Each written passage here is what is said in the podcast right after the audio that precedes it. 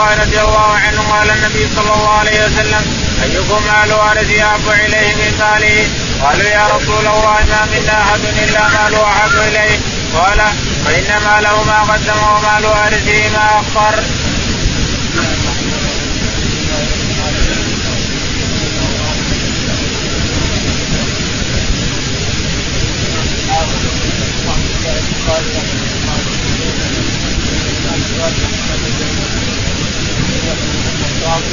ما قدم من ماله فوله.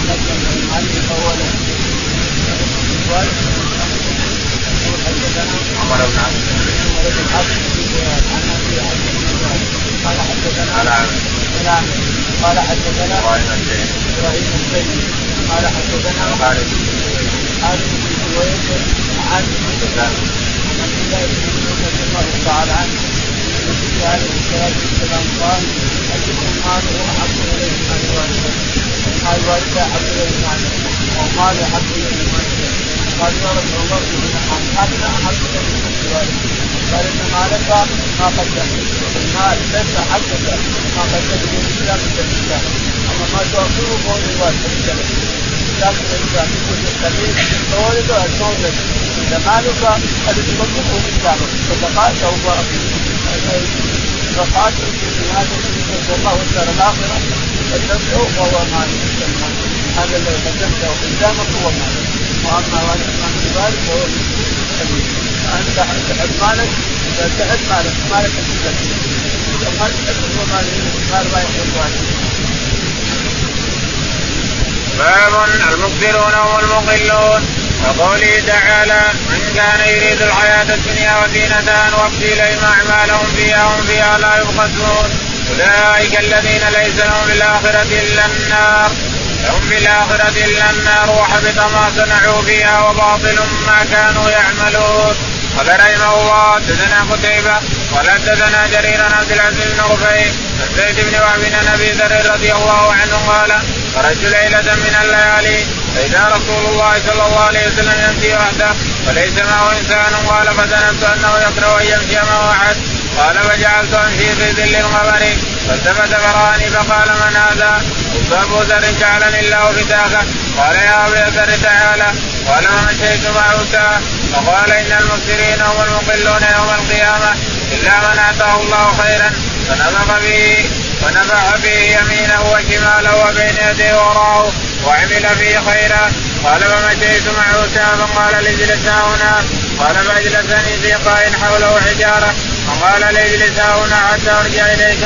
قال فانطلق بالحره حتى لا أراه فلبث عني وقال اللصوص إني سمعته مقبله يقول وإن زنى وإن, سرق وإن زنى. قال فلما جاء لمغفرة قلت يا نبي الله جعلني الله بداك من تكلم من تكلم في جانب الحرة ما سمعت أحدا يرجو إليك شيئا؟ قال ذلك جبريل عليه السلام عرض لي في جانب الحرة.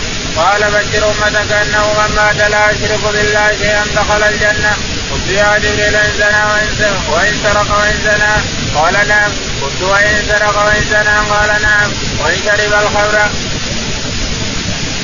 البخاري رحمه الله باب المسلمون والمقلون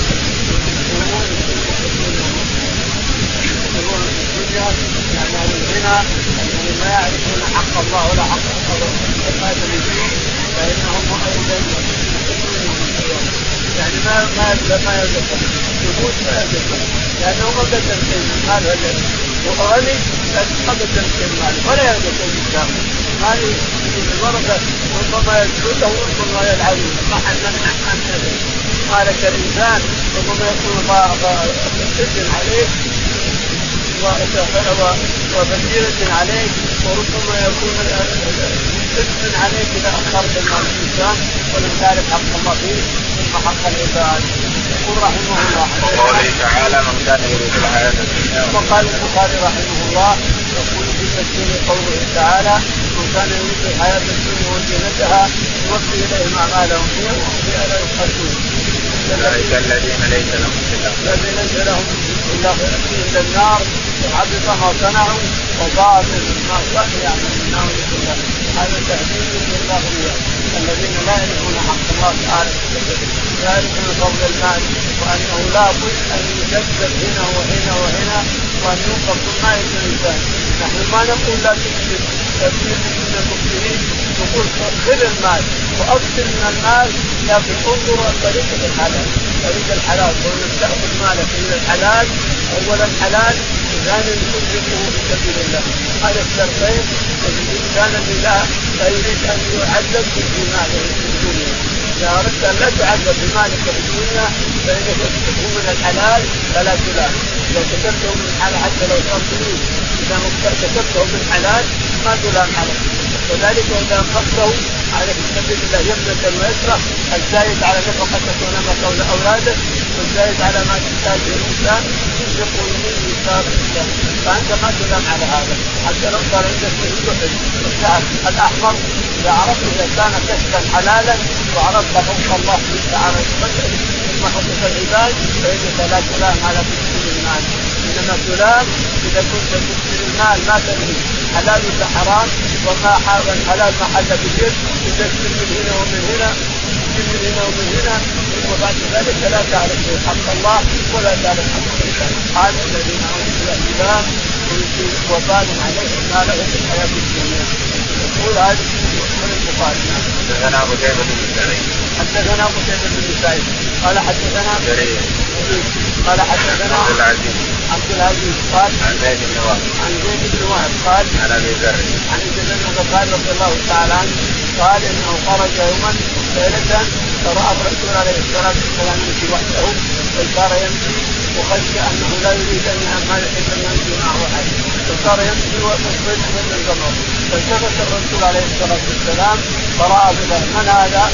قلت بذر فجعلناه بذر فقال تعالى فقربت منه عليه الصلاه والسلام فقال يا بدر نعم ساعة وقال إن المسلمين هم المصلون يوم قال لأبي ذر المسلمين هم المصلون يوم القيامة الأغنياء في الدنيا هم الفقراء في الآخرة. نعوذ بالله هذا الذي عرف حق الله.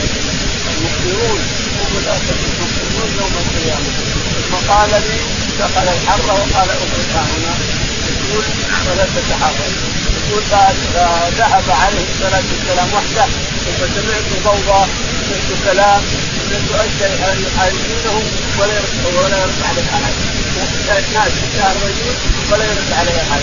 يقول فاتى عليه الصلاه والسلام وقال لا لا تتحرك يقول انه جاءه احد تعرض له احد لكن ذكرت قوله لا تتحرك فتجلس في مكاني حتى رجع اليه عليه الصلاه والسلام فسمعت يقول وإن زنى وإن سرق وان شرب الخمر قال وان زنى وإن سرق وان شرب الخمر وإن زنى وإن سرق ثلاث مرات قال نعم وإن زنى وإن سرق وإن شرب الخمر لما أتى الرسول عليه الصلاة والسلام يا رسول الله سمعت تقول كذا وكذا.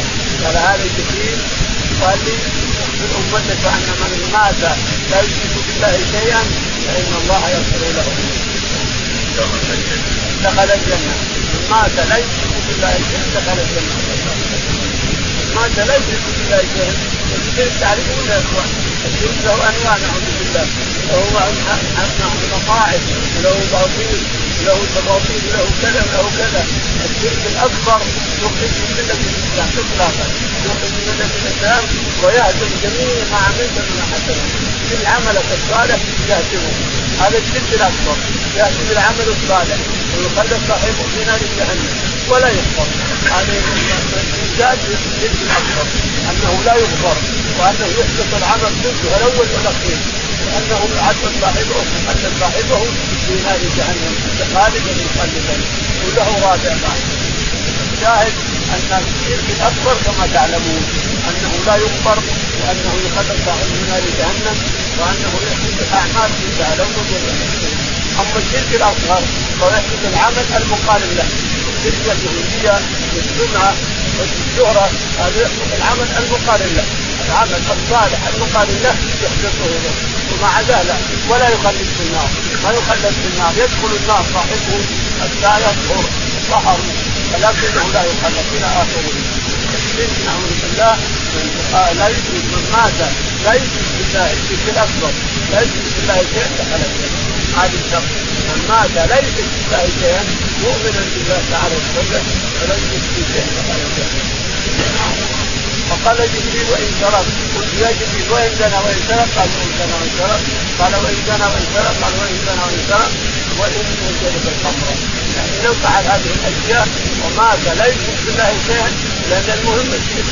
المهم الشرك والسلامه فمن مات لا يشرك بالله شيئا تعالى دخل الجنه يعني زنى وان سرق وان لأنه قد يكون يعفو الله تعالى عنه يعفو ربنا تعالى ويتجاوز عن عبده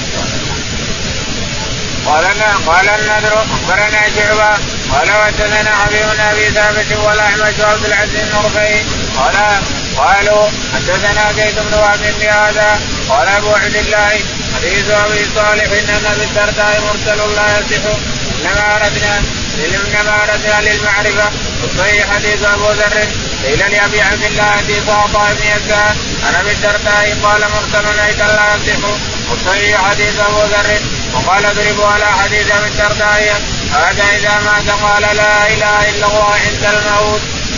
يقول البخاري رحمه الله حدثنا قال النبر قال النبر بن اخبرنا شعبه اخبرنا شعبه قال حدثنا حبيب بن ابي ثابت حبيب بن الاعمش الاعمش قال وعبد العزيز عبد العزيز بن رفيع و ثلاثة قال وحدثنا زيد بن وهب حدثنا زيد بن وهب بهذا الاسناد بهذا الاسناد حتى اوصل قال حدثنا قال أبو عبد الله قال ابو عبد الله حديث ابي صالح عن ابي الدرداء مرسل قال ابو عبد الله البخاري رحمه الله حديث ابي صالح عن أبي الدرداء مرسل اولا المرسل وثاني ما بل جميع احاديث أبي الدرداء صالح عن ابي الدرداء مرسلات ولا تحديث وقال يدري على حديث أبي الدرداء هذا إذا مات على لا إله إلا الله.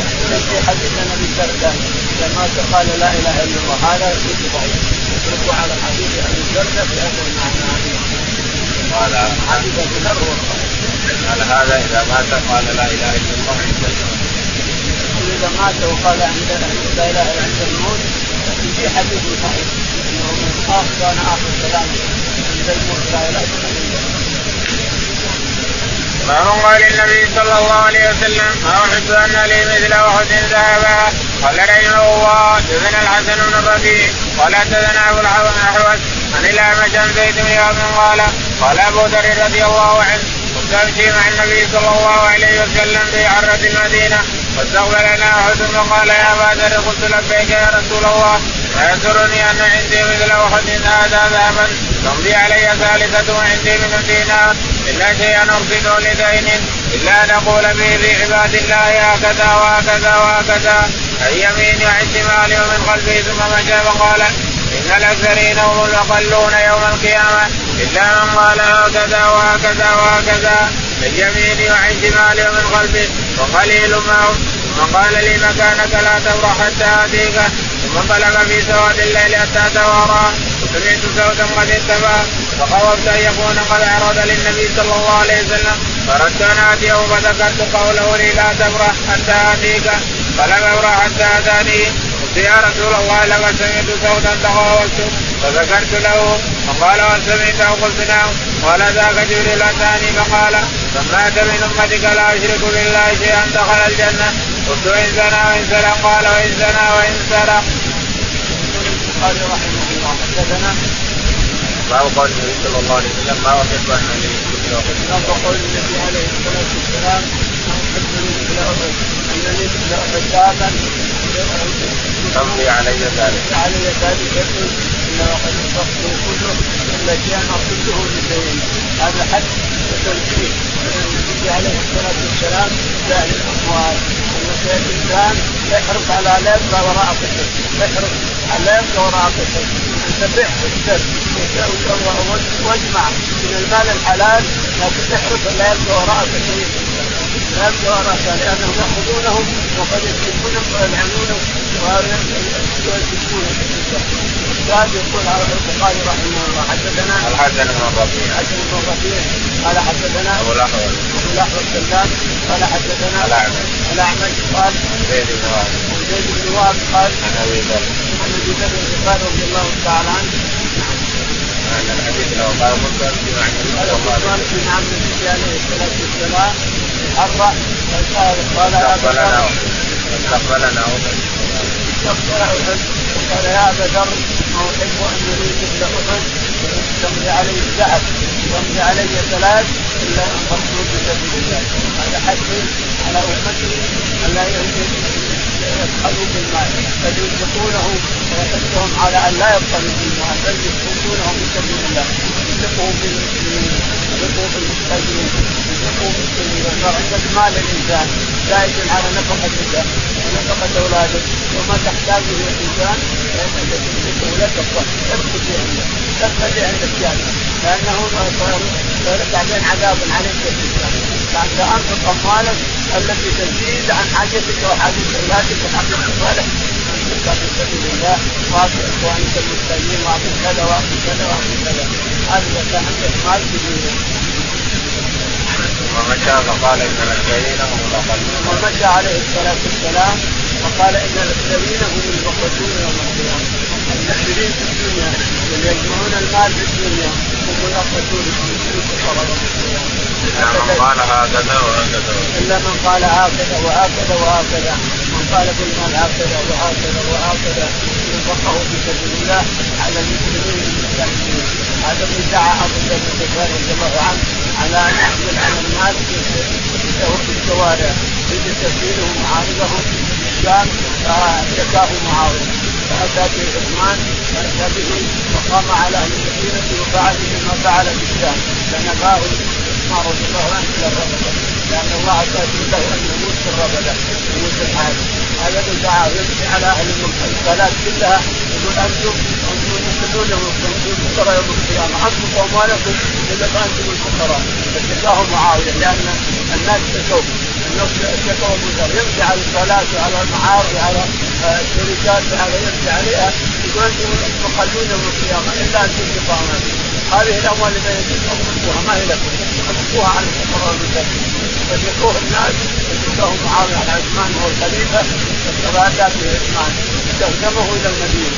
فصار يمشي على أهل المدينة مثل ما كان يمشي على الشام فشكوه إلى المدينة فنفاه عثمان رضي الله عنه إلى الربده التي مات فيها وحيدا مات فيها الحاج ويمشي وحده يموت وحده ويسكن وحده. على مجرد الكفار الفقراء يقول قال رحمه الله حدثني أحمد بن شبيب قال حدثنا أبي يونس قال الليث حدثني يونس بن شهاب عن عبيد الله بن عبد الله بن عتبة أنه قال أبو هريرة رضي الله عنه قال رسول الله صلى الله عليه وسلم لو كان لي مثل أحد ذهبا لسرني الا تمر علي ثلاث ليال وعندي من شيء إلا شيئا أرصده لدين.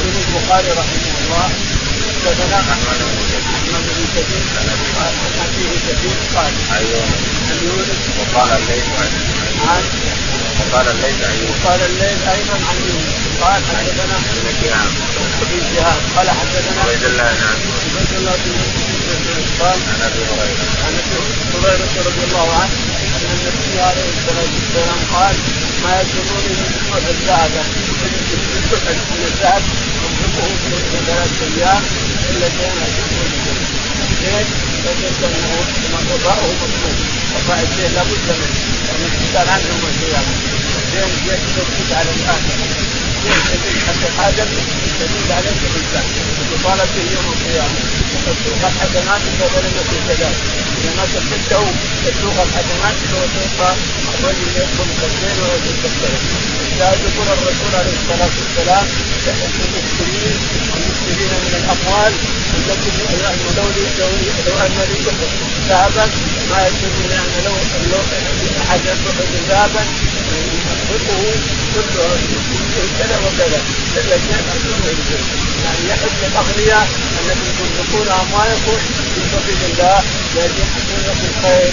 يكون مالك خير. بدل ما يكون شر ينقلب يكون خير إلا اي شيء تنفقه لدين الإنسان فلا تلقى لأن تنفقه يعني تجمع تجمع 10 20 30 40 100 200 30 عشان تسد في الدين فلا لو ما عليك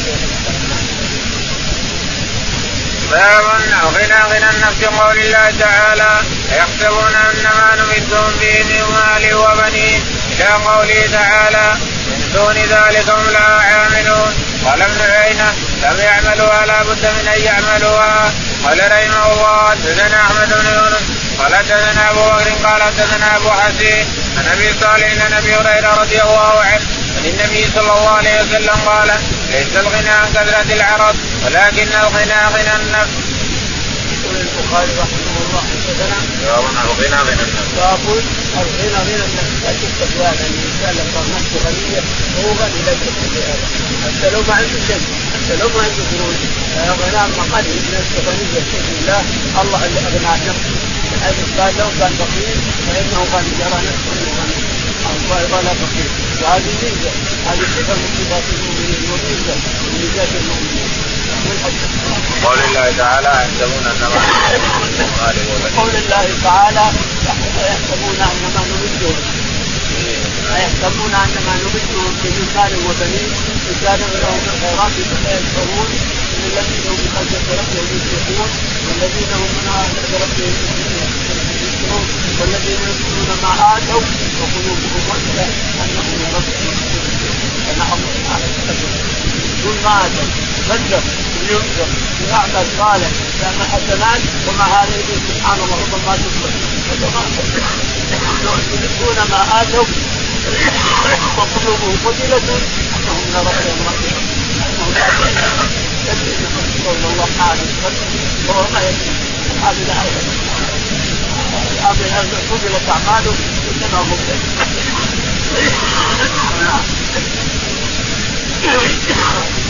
قال حدثنا أحمد قال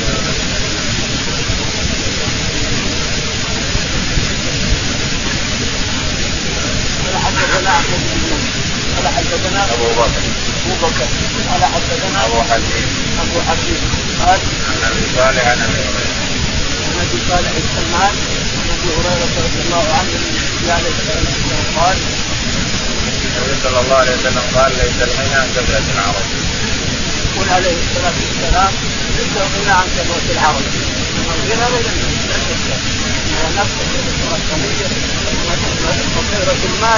يسمى غنى المال عندك كثير ما يسمى غنى انما الغنى غنى النفس تكون غني الانسان بنفسك كانك ان عندك اموال الدنيا كلها كان هذول يضخ اموال اما العرب غني المال ما يسمى غني اللي عنده مال حتى لو الشرق والغرب المال ما يسمى غني انه وصل بكره في المسجد في اي لحظه له ويذهب لأن المال له افات ثمانيه كما اتى في افات في المال أما يذهب أو تكفي الإنسان أو كذا أو كذا إلى آخره. باب فضل الفقر. قال رحمه الله حدثنا إسماعيل. قال حدثني عبد العزيز بن أبي حاتم النبي عن سالم بن سعد رضي الله عنه أنه قال مر رجل على رسول الله صلى الله عليه وسلم فقال لرجل عنده جالس. ما رأيك في هذا؟ فقال رجل من أشراف الناس هذا والله حري إن خطب أن ينكح وإن شفع أن يشفع قال فسكت رسول الله صلى الله عليه وسلم ثم مر رجل فقال له رسول الله صلى الله عليه وسلم ما رأيك في هذا؟ فقال يا رسول الله هذا رجل من فقراء المسلمين هذا علي إن خطب أن لا ينكح وإن شفع أن لا يشفع وإن قال أن لا يسمع لقوله قال رسول الله صلى الله عليه وسلم هذا خير من مل الأرض مثل هذا. يقول البخاري رحمه الله حدثنا باب فضل الفقر. باب فضل الفضل حدثنا إسماعيل. إسماعيل قال حدثنا عبد العزيز. عبد العزيز قال حدثنا عن أبي أبي حاتم. عن أبي أبي حاتم قال وسالم بن سعد. سالم بن سعد سعد رضي الله تعالى عنه أن النبي عليه الصلاة والسلام قال كان جالسا وعنده رجل من الصحابة. فمر رجل به عليه الصلاة والسلام فقال لا تقول بهذا قال هذا يا رسول الله من اشرف الناس. هذا غني من اشرف الناس. هذا قبل ان ينكح وان جمع يجمع وان قال يسمع قول. هذا من سكت الرسول عليه الصلاة والسلام وتركه يمشي. ثم مر رجل آخر.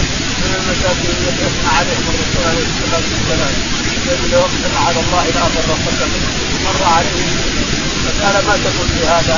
قال يا رسول الله هذا خطب لم ينكح وان شفع لم يشفع وان قال لم يسمع قوله هذه كثير من المساكين هل هذا افضل من هذا؟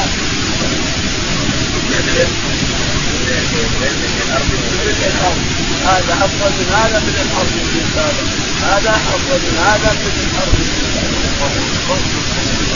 التفاضل التفاضل أنه ليس بالغنى ولم يدرك ما يؤمنه بالعمل التفاضل في الدنيا وفي الآخرة بالعمل قال رحمه الله حدثنا الحميدي قال حدثنا سفيان قال حدثنا الأعمش أنه قال سمعت أبا قال اذنا خفافا قال فقال هاجرنا مع النبي صلى الله عليه وسلم نريد وجه الله اجرنا على الله ومنا من مضى لم يأخذ من اجره من المسلم منهم متعب بن رضي الله عنه. إلى يوم أحد ترك نمرة فإذا غطينا رأسه بدت رجلاه فإذا غطينا رجليه بدأ رأسه. أمر النبي صلى الله عليه وسلم أن نغطي رأسه ونجعل على رجليه من الإبخ ومنا بنينا عدله ثمرته فهو يحسبها. يقول البخاري رحمه الله باب تابع تابع حدثنا؟ الحميدي قال حدثنا سفيان قال حدثنا قال قال قال حدثنا ابو وائل. حدثنا أبو وائل. قال قال عدنا خطابا قال عدنا ابو وائل رضي الله.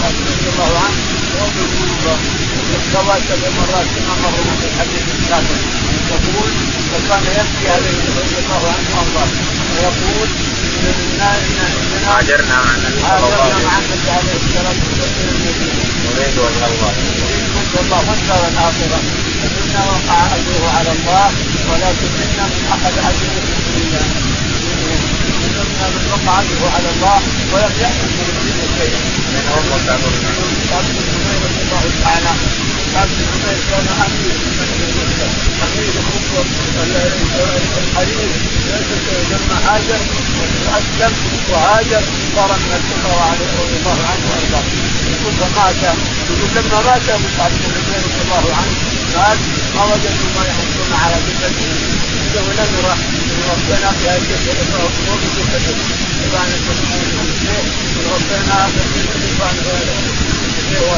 فغطى الرسول كذا وزاد على وجهه على الحديث انظر هذا منا من من مات ولم ياخذ من الدنيا شيء هذا اجره على الله تعالى ومنا من اين عاد له ثمرته؟ اين عاد اثمرت الثمار له كلها وصار من الاغنياء بن الخطاب رضي الله تعالى عنه. قال رحمه الله حدثنا أبو الوليد قال حدثنا سلمان بن شريك قال حدثنا أبو رجاء عمران بن حسين رضي الله عنهما عن النبي صلى الله عليه وسلم قال اطلعت في الجنة فرأيت أكثر اهلها الفقراء واطلعت في النار فرأيت أكثر اهلها النساء. تابعه ايوب وقال صخر وحماد بن نجي عن أبي رجاء بن عباس. البخاري رحمه الله حدثنا أبو الوليد. أبو الوليد قال حدثنا سلم بن جرير سلم بن جرير قال حدثنا أبو رجاء. أبو رجاء عطارد قال عمران بن عن غالب بن حسين رضي الله عنه النبي عليه الصلاه والسلام قال طلعت في الجنة فرأيت أكثر يقول عليه الصلاة والسلام اطلعت في الجنة رايت أكثر اهلها الفقراء. الجنه أهل الجنة يدخلونها الفقراء. واطلعت في النار فرأيت أكثر اهلها النساء قال رحمه الله حدثنا أبو معمر قال حدثنا عبد الوارث قال حدثنا سعيد بن أبو يعقوب عن قتادة عن أنس رضي الله عنه قال لم يكن النبي صلى الله عليه وسلم على خوان حتى مات وما أكل خبزا مرققا حتى مات. يقول البخاري رحمه الله حدثنا أبو معمر. ابو معمر قال حدثنا عبد الوارث. عبد الوارث قال حدثنا سعيد بن أبي عروبه قال قتادة. عن قتادة مالك رضي الله تعالى قال إن النبي عليه الصلاة والسلام لم يحصل القران يعني عطوك ست فضه وسبعه الازمه ثم اكل ولم يأكل خبزا مرققا. يعني اكلوا الشعير يطحنونه ويمسكونه ثم قبل من اكلوه ثم راح ولا هذا الشيء التوفيق والشيء الان حتى البهائم ما ياكلها حتى البهائم مقبول الرسول عليه الصلاه والسلام مقبول الصحابه وهو اكبر الحقوق على الله تعالى انظر الحقوق في الميزان يرفع يرفع يرفع تعالى الله سبحانه الامراض عن جسد الحاكم اصبح المسلمين عندنا الحقوق تنزل النساء دفع عن جميع الامراض التي قال رحمه الله حدثنا ابو بن ابي شيبه قال حدثنا أبو سلمة قال حدثنا هشام بن أبي عن عائشة رضي الله عنها قالت قالت لقد توفي النبي صلى الله عليه وسلم وما في ربه من شيء ياكله ذو كبد إلا شطر شعير في رب لي فأخذت منه حتى طال علي رحمه الله حدثنا عبد الله بن أبي شيبه حدثنا ابن شيبه قال حدثنا أبو أسامة. ابو أسامة. قال حدثنا هشام بن عروه هشام بن مروة عن أبي عن عائشة رضي الله عن مروه عن عائشة رضي الله تعالى عنها. قالت توفي الرسول عليه الصلاة والسلام وهو لم يكن لنا طعام الا الشهيد كان عندي في السجود بعيد وكنت اخذ واخذ واكل لما تدر الامر الامر منه واكل شركه نهى الرسول عن الشيء وهي تدري ان الرسول نهى عن شيء فاذا كنت باب كيف كان يعيش النبي صلى الله عليه وسلم وأصحابه وتخلي من الدنيا؟ قال رحمه الله حدثنا أبو نعيم نحو من حديث نفس هذا الحديث. قال حدثنا عمر بن ذر قال حدثنا مجاهد ان ابا هريرة رضي الله عنه قال كان يقول آه الله الذي لا إله إلا هو. إن كنت لاعتمد بكبدي على الأرض من الجوع وإن كنت لاشد الحجر وإن كنت لاشد الحجر على بطني من الجوع ولقد قعدت يوما على طريقهم الذي يخرجون منه.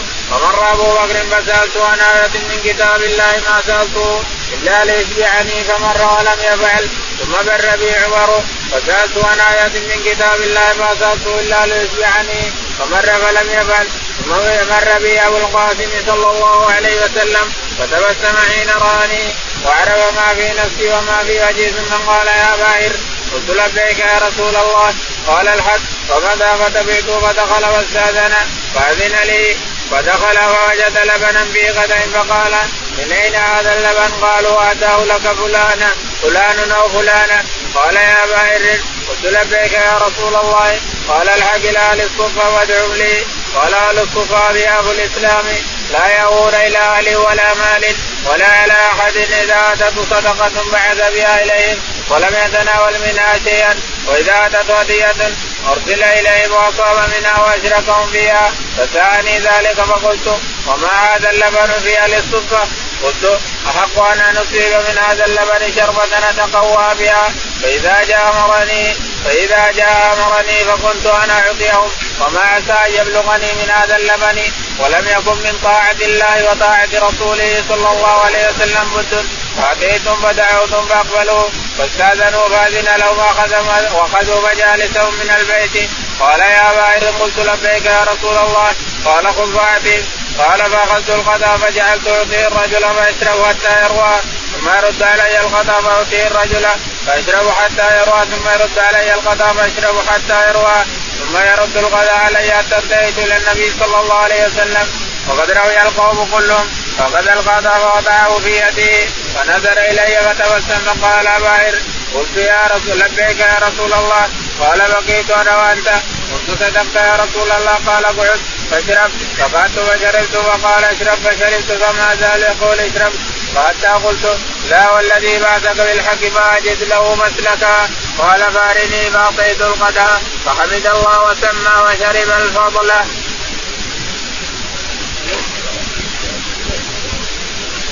يقول البخاري رحمه الله. كيف كان عيش النبي صلى الله عليه وسلم؟ كيف كان عيش النبي عليه الصلاة والسلام؟ وأصحابه. وأصحابه رضي الله عنهم وأرضاهم. يقول حدثنا أبو نعيم. أبو نعيم. قال حدثنا عمر بن ذر عمر بن ذر قال عن مجاهد. عن مجاهد قال عن أبي هريرة. عن أبي هريرة رضي الله تعالى عنه قال إني كنت في المدينة وكنت أنال من الجوع كثير جدا. يقول كنت لا اعتمد بكبدي على الأرض. من الجوع كنت لا اعتمد على كبدي من الجوع وتمر على كبدي من الجوع ما أجد طعاما اكله ولا أجد أحد يقول لي تعال اعطيكم. وان كنت لا اشد الحجر على بطنه. كنت لا اشد الحجر يحمل الحجر بالحزام على بطنه من الجوع. يقول فجلست يوما وأنا منبطح على على بطني. فجلست يوما فمر بي أبو بكر يبعثوا له. قلت يا ابا بكر ما كذا وكذا يقول اني لا أعرف هذا النبي يقول لي تعال. يقول فهذا فأخبرني بالآية ومر وأنا قلت شيئا. جاء عمر رضي الله عنه يا عمر ما الآية التي كذا وكذا؟ يقول فأخبرني بها ومر ولم يقل شيئا. فجاء أبو القاسم جاء أبو القاسم عليه الصلاة والسلام قال يا أبا ذر ما لك؟ عرف ما هي؟ فقال الحق فرحته فعل يمين دخلت ووجد لبنا. لبن الحمد لله جاء الله في اللبن اشرب حين ما أروى لكن ما حصل اني اشرب حتى أروى. يقول وقال من اين قال من فلان وقال من فلان. قال أبا ذر أبا هريرة رجع لأهل الكوفه وقال سبعين. قال الكوفه اضياف الاسلام ما يهون على مال ولا شيء من أهل يتقوا الله تعالى وتقدس من مرسل الرسول عليه الصلاه والسلام سبعين نفر المهاجرين وضعوا في خطبه المسجد وكانوا يدعون على الشرطه وكان الرسول يعرفهم في الطعام اللي ياتيه قبل لهم ويقوله بمكانهم يقول لو اخذت الشغمه من هذا ويجري احسن من أهل الشرطه يقول لكن لابد من طاعة الله ورسوله. يقول فذهبت ودعوتهم فأتوا واستاذنوا وسلموا ودخلوا سبعين نفر يقول فقال أبا ذر خذ الماء اناء اناء اللبن. يقول فأخذت اللبن فقال ادعم على واحد واحد. يقول فاعطيت الأول فشرب حتى روي؟ ثم رده علي. ثم هذا ثم هذا ثم هذا إلى حتى انتهوا كلهم حتى انتهى آخرهم ثم رد علي واللبن الذي يتغير تعالى الله وتقدم لم ينقص ولم يتغير. إلى مليان فيبقى يقول فأخذه الرسول عليه الصلاة والسلام وقال أبا هريرة قلت نعم يا رسول الله ادعو يقول فبعثت أنا إياه وإن فتح والله يكاد يفتح. يقول فأنا إياه. يقول فشربت. ثم قال اشرب. أنا شربت ثم قال اشرب قال اشرب يا ابا هريره وهو يضحك عليه الصلاه والسلام انظر كيف جاء الله بالغنى في لحظه في لحظه جاء الله بالغنى يقول فشربت فقلت يا رسول الله. والله ما اجد مسلك خلاص امتلى بطني إلى هنا وهنا امتلى كل بطني والله ما اجد له مسلك يا رسول الله فأخذه عليه الصلاة والسلام هو اخر من شرب آخر القوم آخر القوم آخر فأخذه عليه الصلاة والسلام وسمى الله بسم الله الرحمن الرحيم. ثم شرب عليه والسلام عليه الصلاة والسلام. أحسن الصفات. لو إن محمد لو إن أمة محمد ابتدوا به عليه الصلاة والسلام. ما بقي ولا فقير مسلمين ما بقي ولا فقير لو ابتدى به المسلمون اللي يزعمون أنهم مسلمون؟ واقتدوا به وانفاق الأموال الزائدة على الناس. ما بقي ولا فقير قال رحمه الله دثنا مسدد قال دثنا يحيى عن إسماعيل قال دثنا قيس قال سمعت سعد رضي الله عنه يقول إني لأول العرب رمى بسهم في سبيل الله ورأيتنا نغزو وما لنا طعام إلا ورق الحبلة وهذا السهر وإن احدنا ليضع كما تضع الشاة ما له خلط ثم أصبحت بنو سعد تعذرني على الإسلام خفت إذا وضل سعي. يقول البخاري رحمه الله حدثنا مسدد مسدد. قال حدثنا يحيى. يحيى. قال حدثنا إسماعيل. إسماعيل. قال قيس إسماعيل إسماعيل بن أبي حاتم بن حازم عن قيس بن أبي حازم. إسماعيل بن أبي عن قيس بن حازم. هذول الاثنين اللي في آخر السند. ابن محمد ومحمد اللي في أول السند. يقول حدثنا قيس بن أبي حازم قال قال سمعت سعد بن أبي وقاص يقول سمعت سعد بن أبي وقاص رضي الله تعالى عنه وارضاه يقول كنا حينما أسلمنا وذهبنا المدينة ما لنا طعام إلا قال إني أول العرب رمى من أول العرب رمى بسهم في سبيل الله. حتى غزاه الرسول عليه الصلاة والسلام بأبيه وأمه. ارمي سعد بذاك أبي وامي يقول وكنت مال مال حتى إن الناس ورق الحطب ورق الورق اللي ياكلونه الناس. هو هو ينبت من شمس الله المقدمه ويأكلونه الناس ورق ورق العظم ثم الان واني رميت في سبيل الله ثم الان بنو كذا يعيرونني بنو سعد نعم بنو سعد بنو سعد يعيرونني على الاسلام يعني اشتكوه على عمر برضه كان امير على الكوفه اشتكوه على عمر فقال والله ما أنزل عليك سنة سعد ولكن ما قد التشويه قال رحمه الله حدثنا عثمان قال حدثنا جرير عن منصور بن إبراهيم عن الأسود عن عائشة رضي الله عنها قالت مات شفي آل محمد صلى الله عليه وسلم من قدم المدينة من طعام بر ثلاث ليال انتفاعا حتى قبض. يقول البخاري رحمه الله حدثنا عثمان عثمان قال حدثنا جرير. جرير قال حدثنا منصور. منصور قال عن إبراهيم عن الأسود. عن إبراهيم عن الأسود. قال عن عائشة. عن عائشة رضي الله تعالى عنها قالت والله ما شبع الرسول عليه الصلاة والسلام ولا أزواجه من البر يعني من حق صافي ثلاث أيام ما شبعوا بل ياكلون الشعير دائما طعامهم التمر التمر والشعير قال رحمه الله حدثنا إسحاق بن إبراهيم بن عبد الرحمن قال حدثنا إسحاق والازرق عن مسعر بن كتاب عن هلال عن عروه عن عائشة رضي الله عنها قالت ما اكل ال محمد صلى الله عليه وسلم اغلتين في يوم في يوم إلا إحداهما تم.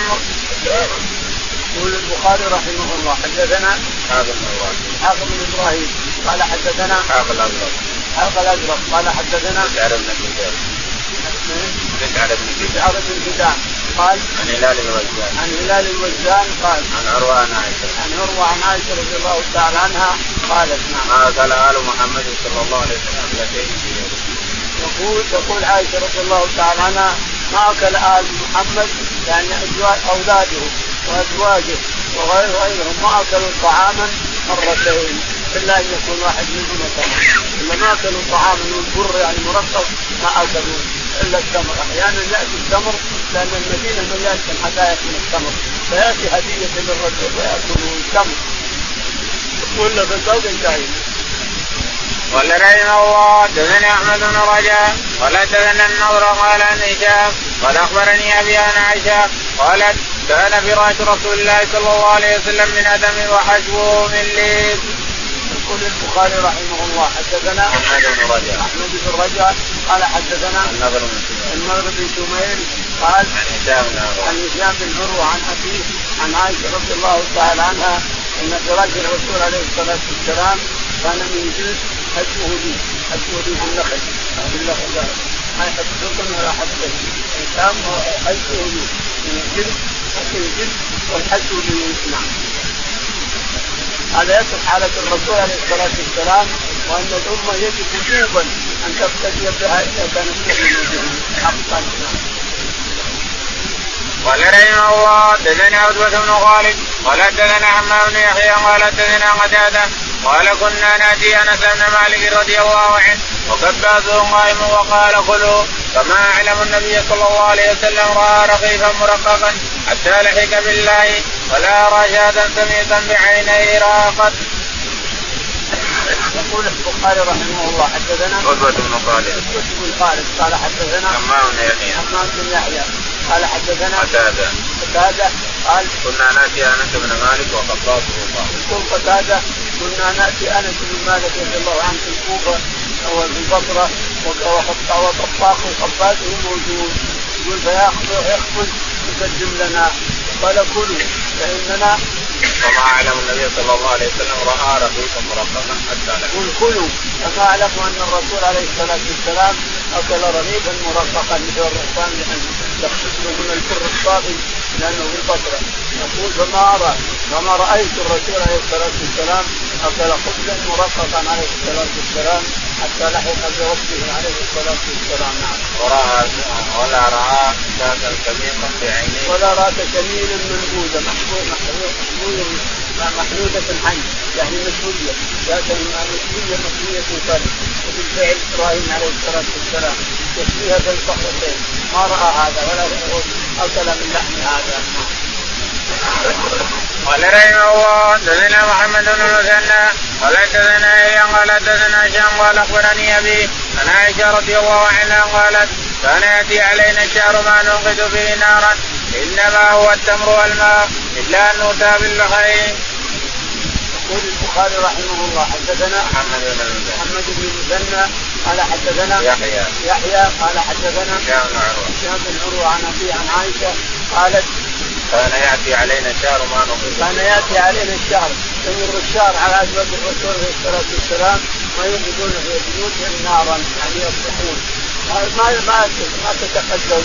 واشتروا قوتكم اللي تاكلونه واشتروا قالت الاسودان التمر والماء قال رحمه الله قال إلا انه تاب إلا انه تاب بالهديه ياتي هدية من بعض الصحابة لابيات الرسول عليه الصلاة والسلام. وقوتهم كله الاسودان التمر والماء. قال رحمه الله حدثنا عبد العزيز بن عبد الله الويسي قال حدثنا ابن أبي حاتم نبي يزيد بن رومان عن عروه عائشة رضي الله عنها قالت قالت لعروة ابن أختي إنا كنا لننظر إلى الهلال ثلاثة إلا في شهرين. وما عقدت في أبيات رسول الله صلى الله عليه وسلم نار. فقلت ما كان يعيشكم؟ قالت الأسودان التمر والماء. إلا هو إلا أنه قد كان لرسول الله صلى الله عليه وسلم جيران من الأنصار كان له ملائكه وكانوا يمنعونه رسول الله صلى الله عليه وسلم من ابياتهم فيسقينها. يقول البخاري رحمه الله حدثنا عبد العزيز. عبد العزيز قال حدثنا ابن أبي حازم. ابن أبي حازم قال عن ابي عن ابي ابي حازم الصغير قال حدثنا يزيد بن الرومان. يزيد بن الرومان قال عن عروة عن عائشة. عن عروة عن عائشة رضي الله تعالى عنها قالت قالت لعروة إن أختي انا كنا لننظر قالت لعروة بن الزبير من أختي إن كنا ننظر الهلال بعد الهلال ما وقد في نار من زواج الرسول نارا ووقد نار يعني ما طبخنا قبيحة. قال ما تأكلون هذه قالت قال نأكل الاسودان التمر والماء إلا أنه قد كان رسول الله صلى الله عليه وسلم. قد كان الرسول عليه الصلاة والسلام جيران من الأنصار لهم غنم يحلبون الغنم حديثها ويرسلون للرسول عليه الصلاة والسلام ويشتكن معهم ما يسمى قصه هذه ما هو قصه يسمى قصه يعني معناها انه موقف موقف نهار عند الرسول عليه الصلاة والسلام. قال رحمه الله حدثنا عبد الله بن محمد قال حدثنا محمد بن فضيل عن ابي عن عمر عن أبي زرعه عن أبي هريرة رضي الله عنه قال قال رسول الله صلى الله عليه وسلم اللهم ارزق آل محمد قوتا.